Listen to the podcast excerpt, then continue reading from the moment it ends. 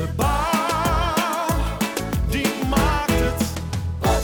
Welkom, leuk dat je luistert. Dit is aflevering 37 van de Bouwmarkten podcast. Mijn naam is Iman de Vries en in deze aflevering gaan we het hebben over RGS. Resultaatgericht samenwerken. Een manier van samenwerken tussen de opdrachtgever en de opdrachtnemer voor een beter proces, waarbij de focus meer ligt op de lange termijn dan op de korte termijn. Maar zo zeg ik het dan even heel snel om het je snel uit te leggen. Maar wat RGS nou precies is, hoe het werkt en wat de voordelen zijn, dat kunnen mijn gasten Maurice Stoffers-Match, specialist onderhoudsbeleid en meerjaren onderhoudsbegroting bij woningcorporatie Woonwaars en Brian Endevoets, directeur bij Ordi en Endevoets, veel beter uitleggen. Welkom, leuk dat jullie er zijn. Nou, vertel, wat houdt RGS nou precies in? Nou, vanuit uh, onze kant misschien goed om eerst toe te lichten. Uh, Orly en Endefoods. Uh, wij zijn actief in, in het onder, onderhouden en renoveren vooral van woningen. veel actief voor woningcoöperaties. Wij zitten in meerdere RIS-trajecten waarbij eigenlijk samen met de opdrachtgever en vaak ook een hoop ketenpartners die de andere disciplines invullen in meerjaren onderhoudssamenwerkingen. Vaak in RGS-vorm waar we het vandaag over gaan hebben. En dan om dan terug te komen op je vraag, wat is RGS? nou, als je het uitspreekt is het resultaatgericht samenwerken. De basis, als je hem eenmaal plat slaat, is dat je aan de voorkant met de opdrachtgever een prestatie afspreekt in de vorm van een set prestatie-eisen. Dus het is uh, veel meer een resultaatinspanning dan alleen maar een inspanning om te werken en iets op te leveren. Dus we gaan heel goed kijken naar waar moet het complex functioneel aan voldoen. Uh, daar hangen we prestaties aan, vaak ook nog met normen, waar dan weer een normenboek achter ligt, zodat we het ook uniformeel kunnen toetsen en meten. Dat doen we aan de voorkant Natuurlijk doen we daarvoor een inspectie. Je gaat veel in overleg met je klant om te kijken van wat is de strategie van het complex. Uh, waar wil de woningcoöperatie vaak in dit geval naartoe? Hè? Willen we doorexploiteren? Voor hoe lang? Uh, moeten we het een keer verduurzamen? Wanneer gaan we dat doen?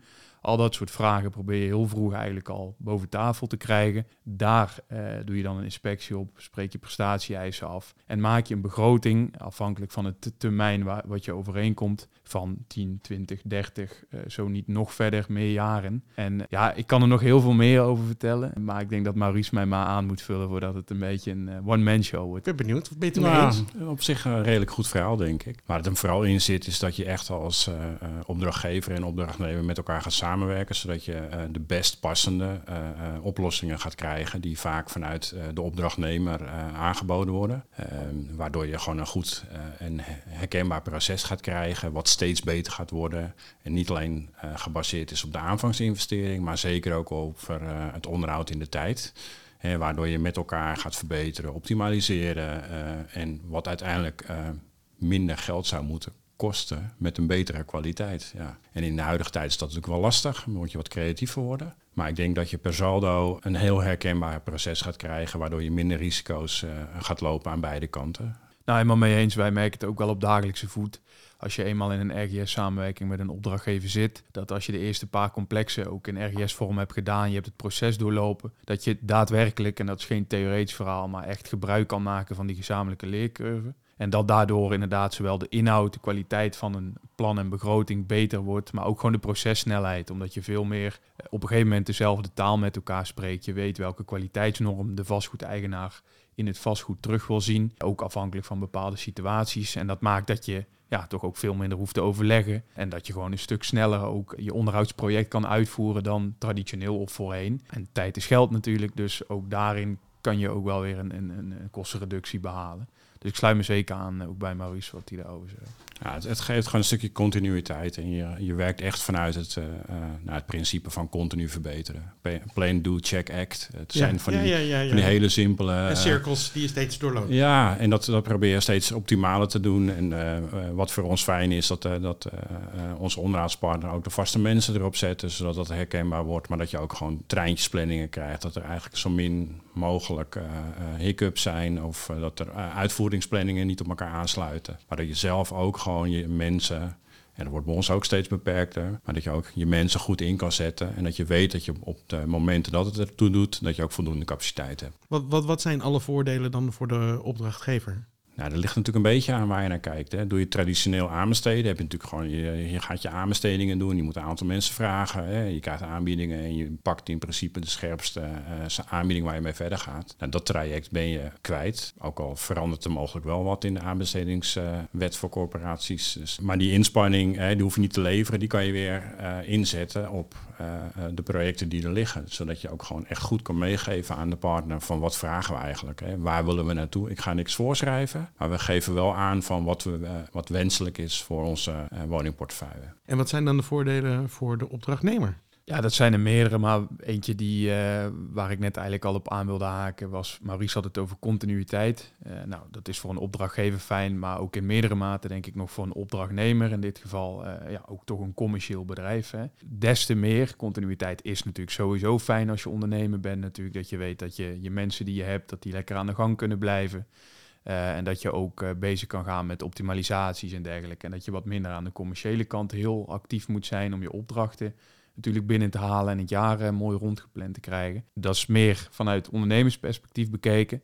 Tegelijkertijd zie je dat continuïteit in meerdere maten de afgelopen jaren ook heel veel voordelen brengt voor het proces. Ik weet dat we daar in het voorgesprek ook even um, dat we dat onderwerp aangeraakt hebben. De wet natuurbescherming onder andere. Zo zijn natuurlijk allerlei andere wet en regelgeving waar wij mee te maken hebben. Maar met name de wet natuurbescherming hebben wij als, ja, als onderhoudsbedrijf uh, werkend aan bestaande gebouwen heel veel mee te maken. Hè, er was laatst een groot artikel in het nieuws, uitspraak Raad van State over het isoleren van spouwmuren. Mhm. Mm -hmm. Nou, er was een isolatiebedrijf aangeklaagd, die hadden ook een beroep ingediend. Nou, die hebben het verloren. De, de, Raad van State zei gewoon, er moet altijd ecologisch onderzoek plaatsvinden als de spouwmuur geïsoleerd gaat worden. Nou, dat is dan enkel de spouwmuur, maar dat geldt in principe voor een heel gebouw. Uh, en dat gaat best ver en wij hebben daarmee te maken natuurlijk als professionele opdrachtnemer. En als jij continuïteit hebt en je weet, uh, over twee jaar ga ik een bepaald complex onderhouden, want dat staat in een onderhoudsbegroting, dan kan je ook ruim van tevoren op tijd, en dat is denk ik het magische woord, beginnen met, met het zorgen, het in orde maken van de vergunning voor de wet natuurbescherming, zodat het project ook gewoon doorgang kan vinden. Ja, maar dat is natuurlijk een van de elementen. Hè. Dus kijk, je zegt op tijd starten. Hè, maar voor mij is het ook van, uh, het wordt voorspelbaar. Hè. Je weet als je bepaalde ingrepen gaat doen, weet je wat je aan de voorkant in dat traject moet gaan doen. Je hebt in dat RGS een aantal fases. En er zijn uh, de, de, rollen redelijk uitgeschreven van opdrachtnemer en opdrachtgever, wie wat doet. Hè. En daar zal je echt gewoon consequent naar moeten kijken van, hoe werkt dat? En dat moet je optimaliseren. En ja, echt die herkenbaarheid en die voorspelbaarheid van het onderhoud is voor mij echt een een, uh, een heel positief iets. En dat werkt gewoon veel lekkerder. En wat, uh, wat het mee, met zich meebrengt, is dat ik ook als uh, opdrachtgever, nou ja, mijn onderhoudsbegroting drie tot vijf jaar vast kan gaan zetten. Weet je, dat ik gewoon weet, dit komt de komende jaren aan. Hè? Ja, dat geeft heel veel rust in je organisatie. Maar je kan ook heel goed gaan sturen op het behalen van onze resultaten op de verschillende gebieden. Ja, want ik, een van de dingen die ik begreep, is dat je als opdrachtgever meer regie zou moeten hebben. Ja, je zou eigenlijk echt een professioneel uh, opdrachtgever moeten zijn. Vaak wordt het wel gezegd, is het niet altijd zo, maar je gaat echt goed kijken naar je interne uh, besluitvormingsproces. Dus wat je van je partner verwacht, dat moet je zelf ook uh, organiseren. Dus ja, het, het, is echt wel hard werken om ook die regierol uh, te gaan pakken. Want dat is wel even anders, want je laat ja. het gevoelsmatig laat je het los. Nee, maar je doet het wel samen. Ja, en dat is, daar wil ik nog wel op inhalen, want daar haalt Maurice precies een heel goed punt aan. Wij lopen er ook wel eens in praktijk tegen aan dat misschien ook de opdrachtgever nog niet echt klaar is om echt RGS te werken volgens de leidraad. En wat je dan ziet is dat bijvoorbeeld prestatie-eisen in een raamovereenkomst komen te staan, die dan voor elk complex zouden moeten gelden. Ja, elk complex is anders. Er kunnen complexen dicht bij een treinstation staan, dat bijvoorbeeld de gevels helemaal zwart zijn beslagen. Er kunnen complexen staan die zo staan gepositioneerd dat de regenzijdes enorm belast worden tal van voorbeelden dat, dat je eigenlijk nooit natuurlijk ja, een totaal bezit of hetgeen wat dan in een onderhoudsbegroting of in een raamovereenkomst komt te staan, dezelfde set prestatie-eisen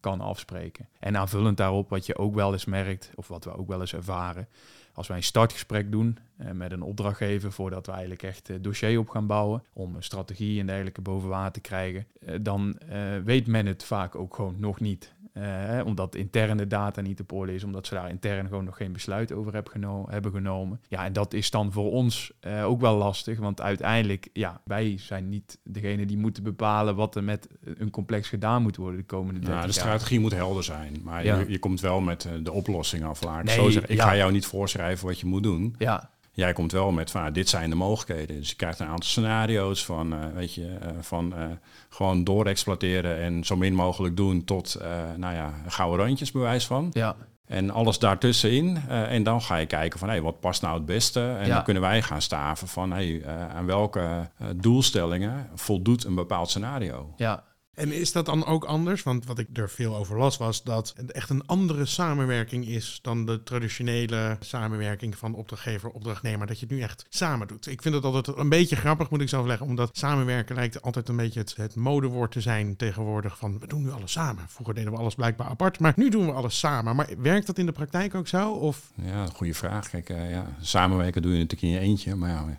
eh, nee, eh, ja, het is echt gezamenlijk. Je zit samen aan het stuur. Je zit niet meer chauffeur en eh, passagier of degene die meerijdt. Nee, je zit echt met z'n tweeën aan het stuur. Ik voel, zo zou het moeten zijn. Hè? Want je ziet ook wel dat als de corporaties die het nog niet echt voor elkaar hebben, dan heb je natuurlijk wel de traditionele opdrachtgeversrol. Van we gaan dingen voorschrijven. Of hè, dat, dat, dan ben je te snel toegeneigd, omdat je dat kent. Hè? Dus het loslaten is wel even een dingetje. Maar ik denk dat je uiteindelijk, als je echt gaat samenwerken, dat je ook gewoon tot de best passende oplossingen komt. Hè? Dus eh, dingen waar ik niet aan zou denken, dat zou juist de opdrachtnemer moeten, moeten gaan bieden. Ik kan ook niet overal wat van. nee, dat eh, snap ik. En komt het dan dat je gezamenlijk achter het stuur zit door die continuïteit die erin Ja, gebouwd zit? zeker. Kijk, voor mij is het gewoon echt belangrijk dat je met elkaar eh, samenwerkt. Dus je stopt er een hoop tijd, energie, dus ook geld en dat stop je erin. En, maar dat wil je er ook uitkrijgen. Ik wil het eruit zien komen, maar de opdrachtnemer wil ook zijn overeenkomst uitdienen. En het liefst, hè, want je spreekt wel een intentie uit voor, met, voor een hele lange periode, om die ook gewoon uit te kunnen nutten. Ja, ja, klopt. Nou, als we over samenwerken hebben, wat ik altijd een beetje als voorbeeld zeg, dan sla ik hem heel plat door, maar om een beetje aan te geven hoe RGS zou moeten zijn. En als we het dan hebben over samenwerken, vroeger schreef een, een vastgoedeigenaar of een corporatie in deze, schreef een bestek. Eh, dat werd in de markt gezet, projectmatig, dus voor één project. Nou, daar moesten inderdaad een aantal aanbieders op inschrijven. Hè. Partijen zoals wij, een prijs indienen vaak, werd er dan naar de prijs gekeken, wie is, wie is het goedkoopste. Eh, inmiddels wordt natuurlijk ook al gekeken wat biedt men dan. Hè? Dus het is echt niet meer zo. denk ik, dat- Duurzaamheid en al Exact, dus dat er wordt echt wel allemaal Ja. In mindere mate dan ik soms hoop. Maar goed, er valt iets voor te zeggen. Dus voorheen schreef die, de corporatie schreef het bestek, zet het in de markt. Maar dan was het denkwerk eigenlijk al wel gedaan. Ja. Dus als marktpartij maakt hij dan een prijs op basis van het bestek. En het bestek was vaak al technisch redelijk uitgewerkt van... nou, deze maatregelen moeten getroffen worden, dit zijn de meetstaten enzovoorts. En nu ga je eigenlijk samen het bestek schrijven. Dus je gaat aan de voorkant al met elkaar eh, aan tafel zitten om te zorgen... wat moet er nou in dat bestek komen te staan? Nou, daar, daar kom ik terug op waar ik het net over had en waar Maurice zei. Hè, gaan we doorexploiteren? Gaan we slopen? Eh, houden we het puur in stand op het lage kwaliteit of inderdaad met de gouden randjes? Nou, daar moet eerst een keuze in gemaakt worden. Dan schrijven we samen het bestek, gaan we scenario's maken, enzovoorts, enzovoorts. En dat is zeg maar, zo probeer ik altijd een beetje het verschil te Ja, duiden met hoe wij het in praktijk ervaren. Dus het is een beetje, als ik het nu zo hoor, dan is het een beetje zoals de politiek werkt en zou willen werken. Een coalitieakkoord dat helemaal dichtgetimmerd zit, dat was voorheen. En de nieuwe, de RGS-methode zou meer zijn coalitieakkoord op de grote lijnen. En dan zien we gaandeweg. Ja, maar ik, ga niks voorschrijven. Hè. Ja. Kijk, je hebt wel bij wijze van spreken een, een programma van eisen of een programma van wensen, net hoe je het wil noemen. Maar we gaan echt functioneel specificeren. Waar moet iets aan voldoen? Hè, dus een, een, eh, warmteverlies of eh, eh, eh, nou ja, om van dat soort elementen. Ik ga niet voorschrijven van hoe je dat zou moeten doen. Dan moet die partner moet daarmee komen. En daar is hij ook verantwoordelijk voor. Dus we hebben ook geen, als het goed is, geen gezeur meer over meer en minder werk. Nee, de opdrachtnemer komt met een complete aanbieding. Ja. En als hij daar dingen in vergeten is, ja, weet je. Dus hè, die zal dat ook bij het eerste, eerste scenario, dat hij denkt, oh mijn god, hè, Ja. dat ga ik geen, geen tweede keer. Dus het lerend vermogen is ook, ja, is gewoon echt goed aanwezig. Hè. Nu betalen wij meer en minder werk. eh, dus ja, wat zou een opdrachtnemer eh, daaraan veranderen? Nee, het is het risico voor de opdrachtnemer. En als je dan verder kijkt, je aanvangsinvestering heb je en ja, die resultaten of die prestatie met, met elkaar afspreekt binnen dat eerste onderhoudsinterval, haal je het niet, hè, dan moet je dat herstellen. Dat is ook niet meer mijn risico. Ja, en dat vind ik ook wel heel leuk, want dat, dat maakt het voor, voor ons als opdrachtnemer, maakt het ook gewoon leuk om in RGS-vorm te werken, omdat je veel meer het podium krijgt om hè, je kennis, ervaring. In de bouw zijn ook vaak familiebedrijven, hè, vaak best wel oude bedrijven, waar ook gewoon medewerkers al soms meer dan twintig jaar werken, weet je wel. Die hebben zoveel ervaring van diverse projecten, die hebben zoveel vakkennis. Als je, wat Maurice net zei, als je dat echt samen met je opdrachtgever mag gaan invullen, dat plan. En Maurice zegt ook, wij dagen de opdrachtnemer uit, juist om die, om die kennis en ervaring in het plan te leggen. Dat maakt het werk ook leuk. Ja. Dus dat is veel leuker dan op een bestek een, een prijs eh maken. Kijk, en daar zie je wel een dingetje. Hè? Dus echt het DNA eh, eh, van een bedrijf komt dan ook even om de hoek kijken. Want je moet wel een bepaalde visie hebben. Ja. Gaan wij eh, resultaatgericht samenwerken doen? Waarom doen we dat? Hè? En dan zie je toch wel dat eh, de onderhoudsbedrijven of de, ja, eigenlijk de familiebedrijven daar toch wel verder in zijn dan de grote jongens. Ehm, je ziet echt wel dat, dat, dat schildersbedrijven vanuit het verleden zich echt ontwikkeld hebben tot eh, totaal ehm, onderhoudspartijen. Ja, en die hebben ook gewoon heel bewust gekozen. Dit is voor ons eh, bedrijf het best passende methode, of in ieder geval de systematiek. Want het geeft continuïteit. Hè. Eh, Je kan je daar helemaal eh, op toespitsen. Waardoor je als bedrijf gewoon echt wel wat te bieden hebt ook. En maak je nou andere keuzes als je in deze vorm werkt? Bijvoorbeeld dat het duurzamer is of heel praktisch gezien als je in zo'n samenwerking zit? Mm, ik denk het niet, omdat we proberen altijd wel een complex op dezelfde manier te met dezelfde kwaliteitsnormen te benaderen. Dus zowel in de breedste van het woord, natuurlijk technische kwaliteit, maar ook of wij daar met een eh, dieselslurpende eh, bus of een elektrische bus aankomen, het totale plaatje moet kloppen. En of dat nou een en dat, eh, dat halen wij er wel weer uit vandaan. Als wij partijen willen selecteren, dan zijn dit echt wel criteria. Het moet gewoon Ja. duurzaam. precies, ja, En ja, je moet eraan voldoen, anders kom je er gewoon niet voor in aanmerking. ja, ja. Ja. Past het bij de bouw? Want ik kan me voorstellen, dit is wel veel papierwerk. Niet altijd Ja, helemaal het ge, nou ja, waar, waarvoor mensen de bouw in zijn gegaan. Je ziet daar wel een omslag in. Ik denk eh, de afgelopen jaren dat dat in, in mindere mate een probleem is geworden. Maar ik merk wel in de praktijk. Bijvoorbeeld, we hebben ook een aantal jongens bij ons op kantoor werken die dan nu geconfronteerd worden met het papierwerk die bijvoorbeeld op de stijger ooit begonnen zijn, zich ontwikkeld hebben en uiteindelijk nu werk voorbereiden, projectleider zijn. Maar dat zijn vaak toch de, de praktisch ingestelde mensen hè, die weten hoe het op de bouwplaats werkt, hoe een bouwproces ingericht moet worden. En ja, die zijn wat minder begaan, wat minder thuis in de, in de theorie of het theoretische deel van het werk, het papierwerk, het administratieve werk. Dus ik heb wel eh, beelden in mijn hoofd toen wij druk bezig waren met bijvoorbeeld het VGO te halen, eh, veel bezig met de RGS-dossiers, dat sommige collega's wel eens een beetje onderuitgeschoven in de stoel zaten van, och, daar hebben we weer zo'n groot Excel-bestand of zo'n groot Word-document met veel tekst. Eh, maar dat went vanzelf, dat went vanzelf, want ik bedoel, het is, het is zo klaar als een kloentje, zeg maar. Er zitten zoveel voordelen aan voor ons als bedrijf. En daar gaat iedereen uiteindelijk in mee. En dan, eh, ja, ik denk ook dat het belangrijk is voor iemand in mijn positie om juist te benadrukken dat er heel veel waarde zit toch in, die, in dat papierwerk. Je moet ook niet eh, zo plat slaan, want oh, het is alleen maar papier en theorie. Er zit heel veel waarde in en het biedt je ook de kans juist om die kennis en ervaring waar ik het net over had, om die in de wedstrijd te leggen. Dat doe je niet alleen maar door op het werk in één keer goed te werken. Dat doe je ook aan de voorkant door een goede inspectie te doen, een uitgebreide inspectie te doen en een goed scenario te schrijven. Ja, dat doe je eerst op papier en daarna komt het werk. Dus die volgorde Kijk, en, en die inspecties zitten tegenwoordig in hele mooie appjes. En Dat iedereen, ook. en iedereen kan bijna omgaan met een smartphone. Dus ja, weet je, Ja. het is gewoon een kwestie van aanvinken. En, eh, dus ik denk dat het ook wel steeds beter wordt. Hè. Het wordt ook gewoon, eh, ook daar kan je tijd en energie in stoppen. Hè. Dus het begint misschien met die papierwinkel. Maar uiteindelijk heb je zoveel effort uit die eh, optimalisatie van al die systemen. Dat je denkt, ja, weet je, hier kan ik ook gewoon geld ja, in stoppen. Ja, er zijn meerdere applicaties op de markt waar inderdaad eigenlijk een compleet stapsgewijs RGS-dossier eh, met die app helemaal ingevuld en opgenomen kan worden. Dus dat is absoluut zo. Ja. En, eh, want je hebt het over, nou ja, je moet er wel wat van af weten. Je, volgens mij zijn er trainingen in. Als je nou nog helemaal niet bezig bent met RGS, eh, moet je dan heel veel gaan investeren? Hoe werkt dit? Wat wij gewoon hebben gedaan is in principe, je wordt ermee geconfronteerd denk ik als onderhoudsbedrijf. Ik bedoel, je ziet het rondom je heen. Er zijn andere onderhoudsbedrijven die het gaan doen, coöperaties spreken erover. Dus je wordt er wel op de een of andere manier mee geconfronteerd. Dus in ieder geval stap 1 is eh, leren ieder geval een beetje in basis wat het inhoudt. En als je dan denkt van, hé, hey, daar wil ik verder mee als bedrijf, dan eh, sla gewoon een goede adviseur in de handen die ervaring heeft met dit soort trajecten met bedrijven. En wat heel belangrijk is, is zie het niet als een kunstje om een keurmerk te halen of een, of een aanbesteding toch te winnen eh, voor een meerjaren onderhoudsplanning van een corporatie. Maar zie het iets wat, wat intrinsiek gemotiveerd is en dat je ook echt op de lange termijn wil gaan, eh, wil gaan uitvoeren. En als je die keuze wil maken, dan, eh, dan kom je met een adviseur die dat ook zo ziet, vaak wel ver genoeg. En een VGO-keur is dan een goed middel bijvoorbeeld. Het zegt niks in principe, want je kan het keurmerk ook in drie maanden tijd halen als je jezelf heel kwaad maakt.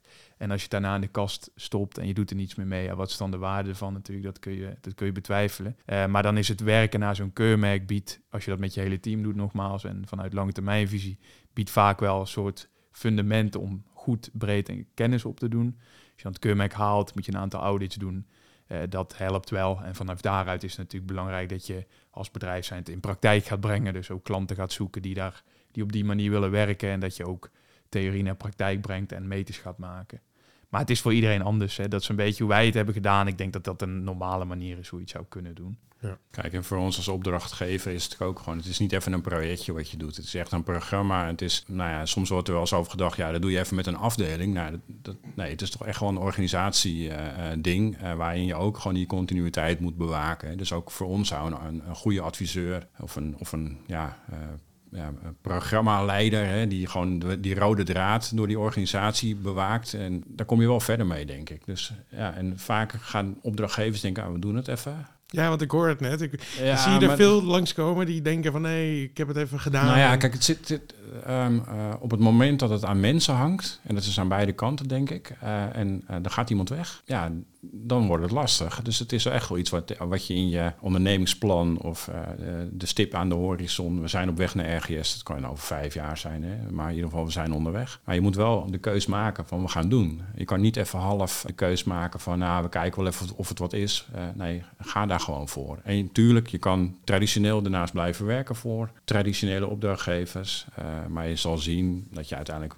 meer haalt, denk ik, uit het resultaatgericht samenwerken. En is er eigenlijk voor mensen die denken, nou, dat hoef ik niet, is er een ontkomen aan? Want ik zoals jij het eigenlijk een beetje zei, klinkt het een beetje, dit is wel waar we gewoon naartoe gaan. Ja, als je daar natuurlijk als ondernemer naar kijkt, is er een ontkomen aan? Ja, ik denk het uiteindelijk niet. Kijk, wat er gebeurt natuurlijk, corporaties gaan er in meerdere maten mee werken. Uiteindelijk betekent RGS ook dat, een, een, uh, dat het werk, zeg maar, gewoon voor meerjaren in principe contractueel weg wordt gegeven. Hè? Want ja, als een corporatie in zee gaat met onderhoudspartijen die RGS werken, dat betekent dat je misschien een, een overeenkomst sluit voor ja, een hele onderhoudscyclus of zelfs twee. Nou, dat gaat over heel veel jaar. Ja, dan is in principe dat marktaandeel is dan vergeven. Natuurlijk kunnen dingen fout gaan dat je toch afscheid van elkaar neemt. Maar dat betekent wel, en dat zien wij ook rondom ons heen, dat heel veel corporaties gewoon vaste onderhoudspartner hebben. He, vanuit het verleden, inderdaad vaak schildersbedrijven. Wij zijn een geefonderhoudbedrijf mee aan het Steense. Uh, ook wij zitten in, in samenwerkingen die al, meer, ja, al jaren lopen. Daar stap je niet zomaar uit, beide partijen niet. Je hebt daar veel in geïnvesteerd met elkaar. Het biedt ook veel voordelen als je lang met elkaar werkt. En dan is het heel lastig om als, als nieuwe partij, zeg maar, uh, toch even projectmatig daar een opdrachtje weg te snoepen. Dat gaat dan niet. Dus ja, wil je daarin mee, dan zal je ook een beetje eraan moeten gaan geloven. Aan het programma denken, meerjaren. Dus is er een ontkomen aan? Moeilijk, denk ik. ja. ja. Zijn er, want we hebben nu heel veel po positieve punten, ik bedoel continuïteit, zijn er ook nadelen? Ja, het, is niet, het is niet iets wat je even doet. Weet je, je moet je er wel echt voor inzetten. Ja, een nadeel wat misschien wel kan spelen, dat, dat, dat zie ik ook wel in praktijk gebeuren, is, en dan, spreek ik puur even vanuit de opdrachtnemer, het, het kan je ook wel laksig maken. Het hangt er vanaf hoe je het insteekt. Hè? Maar wat ik zeg, als je toch in een RGS-samenwerking zit en er is een raamovereenkomst voor, uh, voor hulpbezit, prestatie-eisen afgesproken. Je hoeft niet voor elk complex afzonderlijk een set prestatie-eisen te formuleren. Dat maakt je al wat minder scherp. Maar dat je dan toch dat je minder doorgrondelijk inspecteert, omdat je sneller vanuit gaat dat gebreken zich voordoen, omdat die dan altijd zo zich voordoen bij ook andere complexen. Dus uh, het biedt toch ook enig comfort, daar moet je ook gewoon eerlijk in zijn. Het biedt ook enig comfort voor een opdrachtnemer. Uh, omdat je toch weet, ja, ik ben jaren onder de pannen. Dus het is ook wel gewoon belangrijk dat je met elkaar, uh, een opdrachtgever ook, maar zelf, je moet ook hand in eigen boezem steken, scherp en kritisch blijft over het werk wat je levert. En natuurlijk, het, het RGS-proces biedt daar wel middelen voor en met diverse keuringen, aanvang, tussentijds. En iedereen heeft recht op controle. Hè? Uh, ja, en iedereen heeft recht op controle, zeker weten. Dus dat kunnen we ja. ook gewoon voor zorgen dat je één, uh, één op de tien werken, dat je die extern laat toetsen. Ja, dat je die extern laat toetsen. Kijk, en dat doen we al wel, omdat je, we hebben bepaalde certificeringen, keurmerken, dat je sowieso al door derde getoetst wordt. Maar ik denk, ja, met elkaar scherp blijven, kort op de bal blijven zitten, dat is wel belangrijk, omdat ja, heel eerlijk, langdurig samenwerken biedt ook een beetje comfort. Ja, ja, en dan mag je niet in, in verdoezelen, zeg maar. Dus. niet al te comfortabel. Ja, ja, is het een nadeel? Ik denk het niet. Nou, je ja, moet het als iets het, uh, wat is, je niet achterover Ik snap wat je bedoelt. Ik snap wat je bedoelt. Als er nou mensen zijn of uh, ondernemers zijn die willen, die willen dit eigenlijk gaan toepassen, hebben jullie tips voor ze? Van, nou, dit moet je echt gaan doen. Of als ze er al mee bezig zijn, wat moeten ze echt doen? Nou, verdiep je erin. Uh, begin niet te groot. En kijk echt of het, of het bij het DNA van je, van je bedrijf of, of nou ja, als opdrachtgever of het daarbij past. Hè. Kijk ook of je de juiste mensen in huis hebt. Dus misschien eh, een, eh, een scan van eh, talenten in je organisatie. Hè. Als je de mensen niet hebt, moet je er ook niet aan beginnen. Ja, en, en, en kijk ook gewoon bij partijen die het wel doen. En hoe, hoe hun ervaringen zijn. Want het is natuurlijk niet allemaal. het hoeft niet altijd rooskleurig te zijn wat je ziet. Hè. Het, is ook, het kan ook wel eens heel erg tegenvallen. Ja, ik sluit me daar eigenlijk bij aan. Ik denk inderdaad aan de voorkant heel goed beseffen, doe ik het voor de korte of de lange termijn? Eh, en dan eh, heel goed in de spiegel kijken. Hè? Dus eh, niet het rooskleurige antwoord geven voor jezelf. En de tweede inderdaad, daar sluit ik me al bij Maries. de mensen, besef je inderdaad goed waar je aan begint. En doe inderdaad intern een soort analyse van heb ik hier überhaupt de mensen voor. Bouw is gewoon mensenwerk natuurlijk. Of je nou op de bouw staat of op kantoor zit. Het is mensenwerk en heb ik dan ook de mensen rondom mij heen die ook achter deze manier van samenwerken staan. En, en ook de competenties hebben om het te doen. Eh, want als, ja, als, je dat, als, je, als je conclusie is dat je dat niet hebt, dan doe je zelf een groot plezier ook om er niet aan te beginnen. ja, precies. Ja. En, je, en, je, en je kan er goed in groeien. Dus eh, Ik zag ook dat je bijvoorbeeld pilots kan draaien met bedrijven die je al wat beter kent. En dat je de twee doet voor wat langere termijn om een beetje te kijken of het iets voor je is. ja, pilots doe je natuurlijk wel met de intentie om erin verder te gaan. Dus eh, eh, als dat niet het geval is om het even uit te proberen, dan zou ik er niet aan beginnen. Maar ja, kijk echt of het toekomst heeft of biedt voor je, voor je organisatie. Ja, en ik zag dat jij bijvoorbeeld mensen die geïnteresseerd... Jij hebt sowieso een boekje bij je, zag ik net met RGS. Zo werkt het. Of Nou ja, dus dat zijn, kijk, eh, de, leidraad is een redelijk saai boek. Hè. Gelukkig komt er eh, binnenkort komt er een, eh, een, een leesbare versie als het ware. ik, denk dat het, ik denk dat het goed is eh, eh, als je gewoon wel verdiept in ook de tekst en eh, ja, wat de basis en wat, wat, de, ja, wat de insteek is van resultaatgericht samenwerken. Dat is ook fijn, hè, want je hoeft het niet allemaal zelf te bedenken. Er zijn Maar- heel veel slimme mensen heel hard aan gewerkt. Er ligt een heel procesboek. Ja, gebruik dat ook gewoon tot, tot, je, tot je goed recht. Kijk, en voor corporaties, er wordt veel gedeeld onderling. Dus eh, eh, weet je, dat hoef je allemaal niet te verzinnen. Maar ja, voor eh, de andere kant van de tafel hè, Ja. is het wat lastiger. Want dan is het weer ja, ja, bedrijfsgevoelig. vaak En, toch inderdaad een beetje afgehouden. maar, ja. Dank jullie wel. Eh, heel fijn. Ik, ik snap het ook weer wat beter. Dus Ja, eh, nou. ik hoop iedereen die heeft geluisterd ook. Dank jullie wel en bedankt voor jullie tijd. Graag gedaan, graag gedaan. Nou, om geen aflevering van deze podcast te missen, druk dan even op die volgknop op Spotify of op die abonneerknop op Apple Podcast. Daar kan je ook een rating achterlaten. Trouwens, wordt altijd zeer gewaardeerd. Verder natuurlijk bedankt voor het luisteren en tot de volgende keer. Hoi. De